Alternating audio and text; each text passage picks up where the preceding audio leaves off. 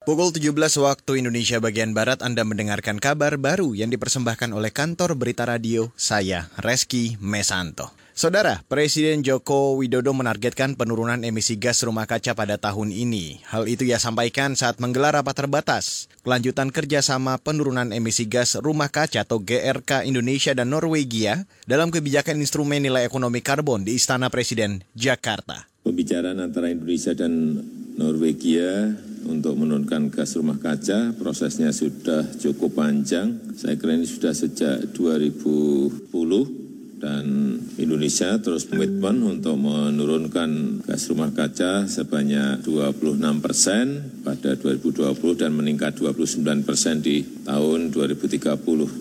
Menurut Jokowi, target penurunan emisi karbon sebanyak 29 persen pada 2030 adalah target konferensi perubahan iklim yang telah diratifikasi. Beberapa upaya dilakukan untuk mencapai target tersebut, antara lain melakukan program pemulihan lingkungan seperti restorasi gambut, percepatan rehabilitasi hutan dan lahan, perlindungan keanekaragaman hayati, pengembangan energi surya dan energi angin.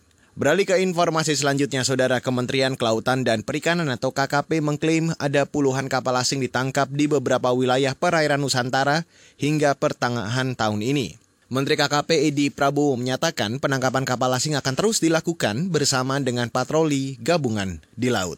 Bicara tentang kapal ikan asing, kami terus berjuang dan sampai sekarang 53 itu bukan cerita, semuanya ada data.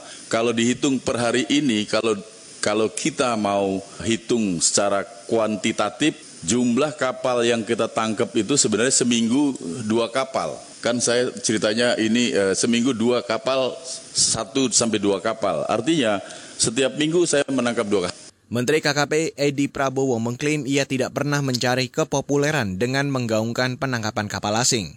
Menurut Edi, kinerja KKP dalam memberantas kapal asing adalah sebuah fakta yang benar adanya dan bukan merupakan klaim semata. Ia berjanji pengamanan akan terus ditingkatkan agar laut Indonesia bisa tetap terjaga. Kita beralih ke informasi dari mancanegara saudara India menjadi negara dengan kasus COVID-19 terbanyak ketiga di dunia menyalip Rusia. Kementerian Kesehatan India pada hari ini mencatat hampir ada 700 ribu kasus di negara itu. Angka itu bertambah setelah dalam 24 jam terakhir jumlah korban terpapar mencapai 24 ribu. Sementara kasus corona tertinggi masih dipegang Amerika Serikat dengan 2,9 juta kasus, diikuti Brazil sebanyak 1,6 juta kasus. Seperti dikutip dari AFP, kota-kota besar India terpapar parah pandemi ini. New Delhi dan Mumbai masing-masing memiliki sekitar 100 ribu kasus. Dari jumlah itu tercatat ada 3 ribu kematian di ibu kota dan hampir 5 ribu di Mumbai. New Delhi telah membuka rumah sakit darurat dengan 10 ribu tempat tidur.